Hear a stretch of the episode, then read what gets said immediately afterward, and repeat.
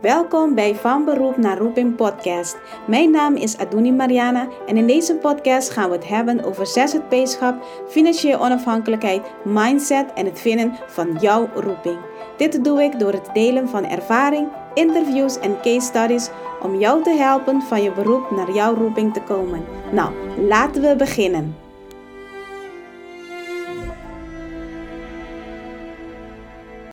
Yes. Nou, goedemiddag moet ik zeggen. Natuurlijk de luisteraars en de kijkers, die weten, ja, die kunnen op elk moment kijken. Maar goedemiddag Yvonne, hoe is het? Goed, ja, helemaal uh, lekker in een verhuizingsmoed, maar voor mij uh, gaat het goed. Ik uh, word er altijd blij van, als een van de weinige mensen in de wereld, geloof ik. Ja, nee, ik word er ook niet blij van. Nee, precies. Ik heb een polletje gedaan in mijn stories en precies één twintigste van mijn volgers werd er blij van en de rest krijgt er allemaal super veel stress van. um, Yvonne, um, voor de luisteraars en kijkers, wie ben je en wat doe je? Ik ben uh, Yvonne Renkens en ik ben boudoirfotograaf. Uh, dus ik maak uh, sensuele, sexy portretten van vrouwen, mannen en koppels. En dat doe ik nu sinds een jaar. Dus eigenlijk het hele corona-verhaal heeft mijn hele carrière een switch gegeven waar ik ja, super blij mee ben. Ja, en um, boudoir. Wat moet ik mij voorstellen? Het zijn uh, stijlvolle portretten met een, een, sexy tintje. Dat kan van uh, nou, een spijkerbroek met een topje waar je geen BH onder hebt tot uh, volledig naakt. Dat is net wat de klant zelf wil. Maar ik fotografeer vrouwen op een manier om zichzelf beter te leren accepteren, op een andere manier te kunnen laten zien, om te laten zien hoe mooi ze eigenlijk zijn en wat ze zelf misschien dagelijks in hun spiegel niet altijd zien. Ja, en ja, ik, ik, ik kan me voorstellen, want die vraag had ik natuurlijk ook uh, toen wij een gesprek hadden, van hoe kom je daarbij om ja, dit te doen? Uh, hoe ja. kom je eigenlijk überhaupt op een idee? En voordat ja. we daarop gaan, vertel onze proces. Waar kom je vandaan en hoe, hoe is het dat je hier terecht bent gekomen, zeg ja. maar? Ja, dat is wel een bijzonder verhaal. Ik ben uh, ondernemer geworden, even kijken, vijf jaar geleden. Omdat ik zes jaar geleden werkte ik in de topsport en daar viel ik uit. Ik heb um, uh, chronische spierspanningshoofdpijn en ik was toen zo ziek dat ik niet meer kon werken. Dus voor mij was toen op een gegeven moment ondernemerschap de enige optie om uh, mijn eigen werk- en rusttijden uh, te bepalen. En ik was altijd office manager, directiesecretaresse, dus ik ben toen virtual assistant geworden om lekker gewoon online te kunnen werken. En daarbij deed ik ook fotografie. Dus ik fotografeerde vrouwelijke ondernemers in um, uh, een setting in horeca, buiten, voor hun website, voor hun socials. Uh, dus echt branding shoots. En altijd hadden de dames wat op zichzelf aan te merken. Mijn buik is te dik, mijn gezicht zit niet goed, mijn haar zit niet mooi. Er was altijd iets kritisch waarvan ik dacht, joh, ik zie zo'n mooie vrouw. Waarom kun jij niet zien wat ik zie? Um, en op een gegeven moment ben ik daarover nagedacht en denk, ja, ik, ik, moet ze uit hun comfortzone trekken om zichzelf te zien zoals ik zie. Op een andere manier, door een andere hoek. En toen de coronacrisis vorig jaar maart kwam, toen heb ik de uitkering aangevraagd, omdat er drie uh, klanten die bij mij een abonnement hadden wegvielen. Uh, maar ik ben niet het type wat dan een beetje gaat zitten wachten van nou, wanneer zou het eens goed komen? Ik ga dan wel lekker aan de slag. Ik had op dat moment echt zin om mijn fotografie verder uit te breiden. En toen, ik weet niet meer precies hoe, maar toen kwam boudoirfotografie bij mij op mijn pad. En ik dacht, ja, maar dit kan het wel eens zijn. Dit kan wel eens de manier zijn om die vrouw uit hun comfortzone te trekken. Om ze op een hele andere manier naar zichzelf te laten kijken.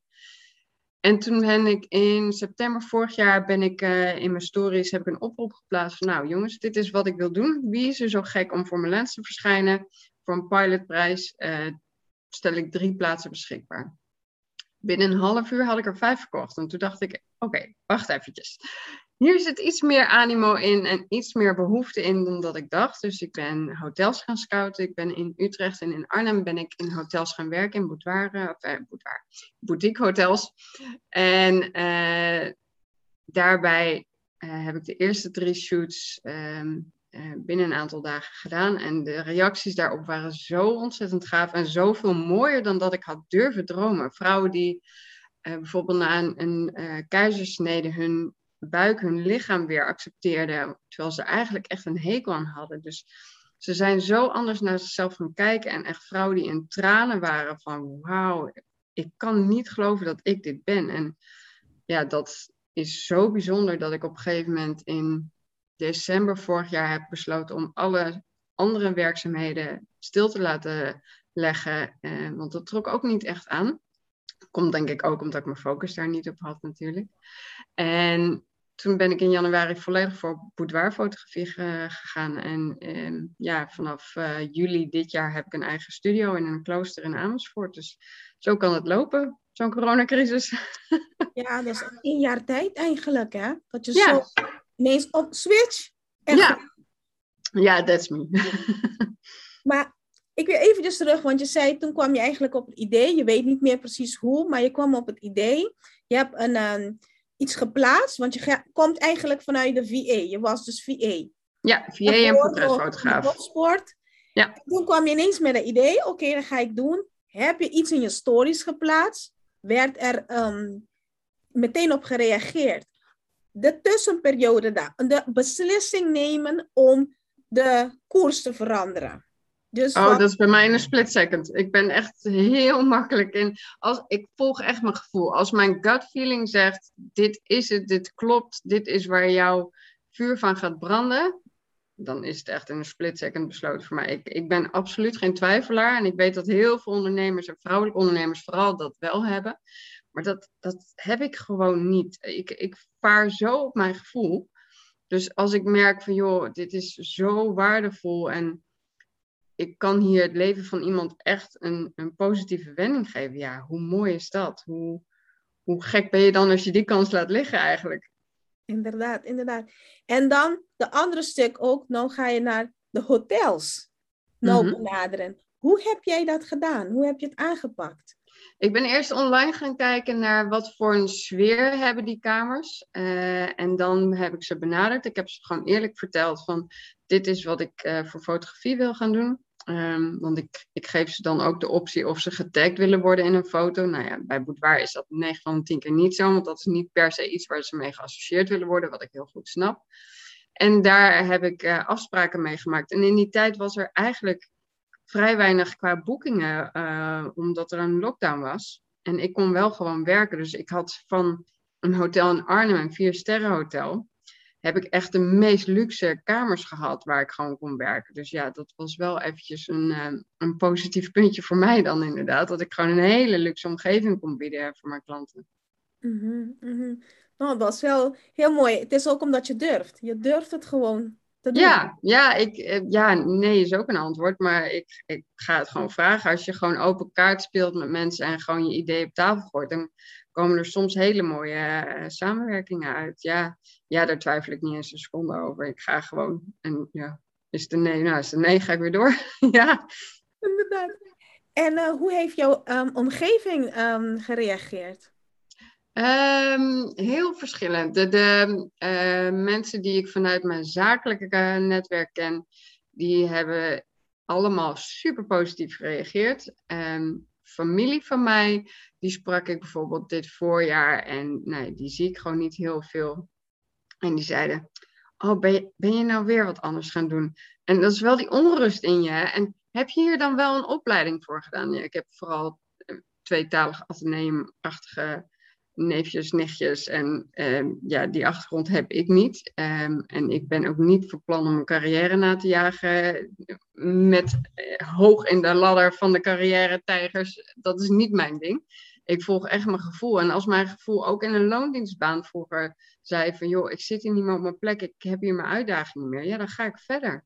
Dus ja, dat wordt door hun gezien als onrustig, omdat hun gewend zijn dat ja, je doet een opleiding, je gaat een carrière in en daar bouw je aan, net zolang tot je op het hoogste punt bent waar je wil belanden. Ja, dat, zo steek ik niet in elkaar. Dat is gewoon niet. Dus ja, dat, dat geeft soms wat, wat struggles. En ik, ja, ik kan erom lachen. Ik denk, joh, je, jouw kijk op het leven is zo anders dan die van mij. En dat is oké. Ja. Maar daar ga ik mijn energie niet in steken om iemand te overtuigen dat het is zoals het is. Ja, juist. En, en wat jij wil, als zij geen ervaring in hebben, ook als ze geen ondernemers zijn, ja, dan is het ook moeilijk voor hun om in te beelden of in te denken van, hé, hey, welke kant zou dit op kunnen gaan? Exact. Ik heb echt geen ondernemers in mijn familie, dus dat scheelt uh, qua visie hoe ze naar dit soort dingen kijken wel. Ja, ja. En um, ik kan me wel voorstellen, er zijn nou uh, luisteraars of kijkers die denken van, mm, lijkt wel interessant. Of ze, ze gaan misschien nu al uh, een beetje kijken, want misschien, ja, nu dat de tijd dat ze dit kunnen zien of horen, kunnen ze eigenlijk in de beschrijving al jouw link enzovoort zien. En als ze dan toch stiekem gaan kijken, oké, wat ziet er nou eruit en zo. Maar ze hebben twijfels. Um, wat zijn de meeste redenen die je hoort? De mensen zeggen van ja, ik twijfel of ik het ga doen of niet. Ja, dat is heel verschillend en dat vind ik eigenlijk wel heel erg leuk. De een die doet het om, omdat haar vriend bijvoorbeeld uh, jarig is of ze zijn zoveel jaar getrouwd. Um, de een doet het omdat ze een streefgewicht heeft gehaald. Ze heeft samengewerkt met een personal trainer en na een jaar heeft ze het punt bereikt dat ze denkt, ja, dit is waar ik wilde komen. En dat vier ik door middel van een mooie shoot om, om die vorm vast te leggen. Maar ik heb bijvoorbeeld ook dames die zeggen, ja, ik ben helemaal niet in de shape die ik wil. En juist om dat te accepteren, ga ik zo'n shoot doen. Want fuck it, ik wil mezelf gewoon leren accepteren zoals ik nu ben. Dan is dat maar zo. En dat, ja, dat vind ik ook heel erg tof. Maar ook koppels die hun liefde willen vieren bijvoorbeeld. Of uh, uh, ik heb een moeder-dochter gehad. Die uh, dochter die werd 18 en die moeder die heeft borstkanker gehad. Dus die vond het heel belangrijk om haar een boodschap mee te geven van er kan van alles gebeuren met je lijf. En wees blij met je lijf zoals het is. Want het kan zomaar anders zijn. Dus het is super verschillend, maar ja, allemaal even mooi. Ja, ja. Ik heb een paar foto's gezien. Prachtige foto's. Dankjewel. Dus um, voor de mensen die nou kijken of luisteren, ga zeker kijken. Het zijn echt prachtige foto's. Um, ik had de voorlaatste vraag. Yes. Wat zijn drie tips die je kan geven aan onze luisteraars en kijkers? Die, de meeste mensen die kijken nu of luisteren, die zijn uh, zelfstandigen en voornamelijk in de zorg. We hebben ook mm -hmm. andere zelfstandigen, maar voornamelijk in de zorg. Um, wat zijn drie tips die je kan geven aan deze zelfstandigen? Ja, op welk vlak? Binnen het ondernemerschap? Ja, ondernemerschap en durven je dromen najagen van, van die richting. Ja, ik wil ze een beetje wakker schudden om. Uh, ja. Uh, nou ja, wat voor mij altijd het belangrijkste is, wat ik merk in gesprekken met ondernemers, is trek je echt niks aan van de mening van anderen, maar volg je gevoel. Als jouw gevoel zegt, dit is niet wat ik wil doen, of dit is juist wel wat ik wil doen, maar mijn partner, maar mijn moeder, maar mijn zus vindt dat lastig. Ja, het is niet hun leven. En ik zou echt zeggen, kijk of je jezelf over die drempel heen kan zetten om toch die stap te maken. Want als jij daar gelukkig van wordt, je moet je leven niet leiden uh, onder het stramien van wat een ander zou willen of niet zou willen. Uh, vaak zijn dat soort adviezen echt gebaseerd op angst, op hun eigen angst. Zij zouden het niet durven. En dat is iets wat je heel goed moet bedenken als mensen jou advies geven. Oh, zou je dat nou wel doen? Ik denk dan gelijk, als iemand zoiets tegen mij zegt, denk ik gelijk, wat zit erachter? Zou diegene het zelf niet durven? Ga erover in gesprek en dat is ook echt prima. Maar besef je wel dat het, uh, ja, het is goed bedoeld. Dat vind ik altijd zo'n dooddoener, want dat komt op jou niet zo over. Maar besef je heel goed dat heel veel adviezen die tegen jou ingaan vaak gebaseerd zijn op hun eigen angst. Dus dat is uh, eentje wat uh, voor mij altijd een belangrijke is. Uh, nou ja, waar we het net over hadden, gewoon proberen, gewoon vragen, gewoon doen. Nee heb je, ja kun je altijd krijgen. En ga je op je bek, ja, so what? Nou, dan leer je daar toch van? Ja, dan, ik kan daar alleen maar blij van worden. Want als je niet probeert, zul je nooit weten hoe het was geweest. En dat zou ik veel erger vinden. Als ik uh, een paar keer op mijn bek ga, nou ja, dan heb ik weer een heleboel geleerd. Maar als ik iets niet zou doen en achteraf denk van shit, die kans is nu voorbij, had ik maar, dat zou ik vele malen erg vinden. Dat kun je niet terugdraaien.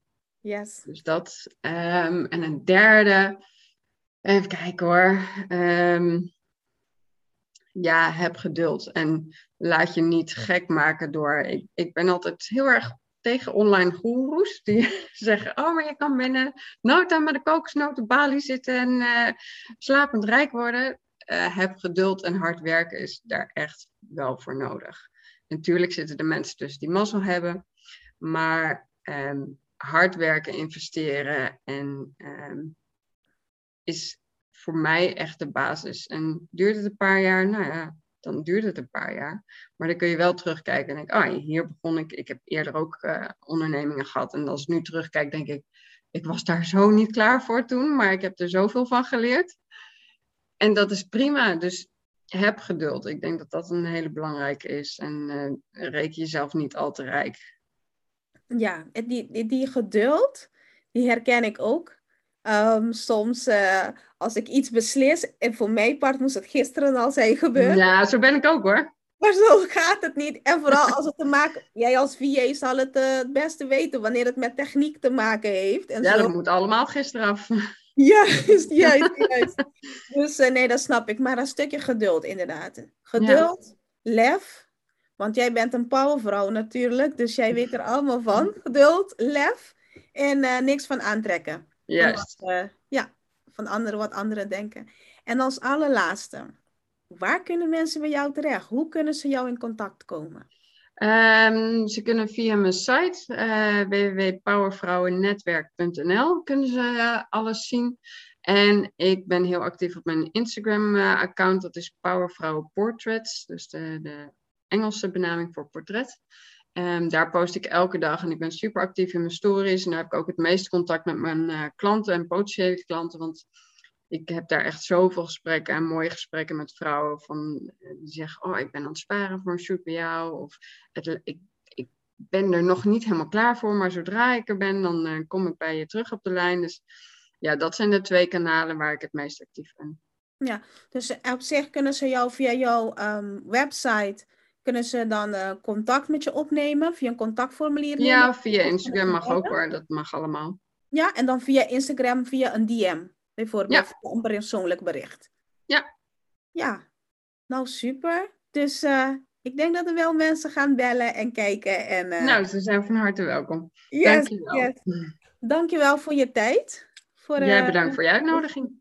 Ja, graag gedaan. Het is interessant. Dus ik denk van meer mensen moeten weten van wat er allemaal mogelijk is. Want soms hebben we een idee en dan denk van ja, wie gaat er nou voor betalen? Of wie gaat dit leuk vinden? En dan zo zie je. Dan ja. dingen ontstaan en dan uitvoeren en kijken waar het terecht komt. Ja, daarom. En je kan uh, niet alles voor een ander invullen. Dus soms is het gewoon een kwestie van proberen. Inderdaad, inderdaad. nou, dankjewel. Jij bedankt. Dankjewel voor het abonneren op de podcast en luisteren ook naar deze podcast. Um, ben je zelf een zelfstandige in de zorg of een zelfstandige professional, hoeft niet eens in de zorg, en je wilt uh, zelfverzekerd financiële beslissingen nemen? Neem contact met me op en boek een gratis oriëntatiegesprek. Nou, wat gaan we in deze oriëntatiegesprek doen? Uh, we gaan kijken naar waar sta je nu, waar wil je naartoe en wat is je meest logische volgende stap. Je kan ook um, in onze gratis Facebookgroep komen voor zelfstandige zorgprofessionals. En daar krijg je dan meer tips en adviezen. En dan ga ik daar elke week ga ik dan live. Alle informatie vind je in de beschrijving met uh, link naar de oriëntatiegesprek, uh, link naar de Facebookgroep en ook de uh, links voor de informatie van, um, ja, van de persoon die we dan hebben geïnterviewd. Nou, tot volgende week.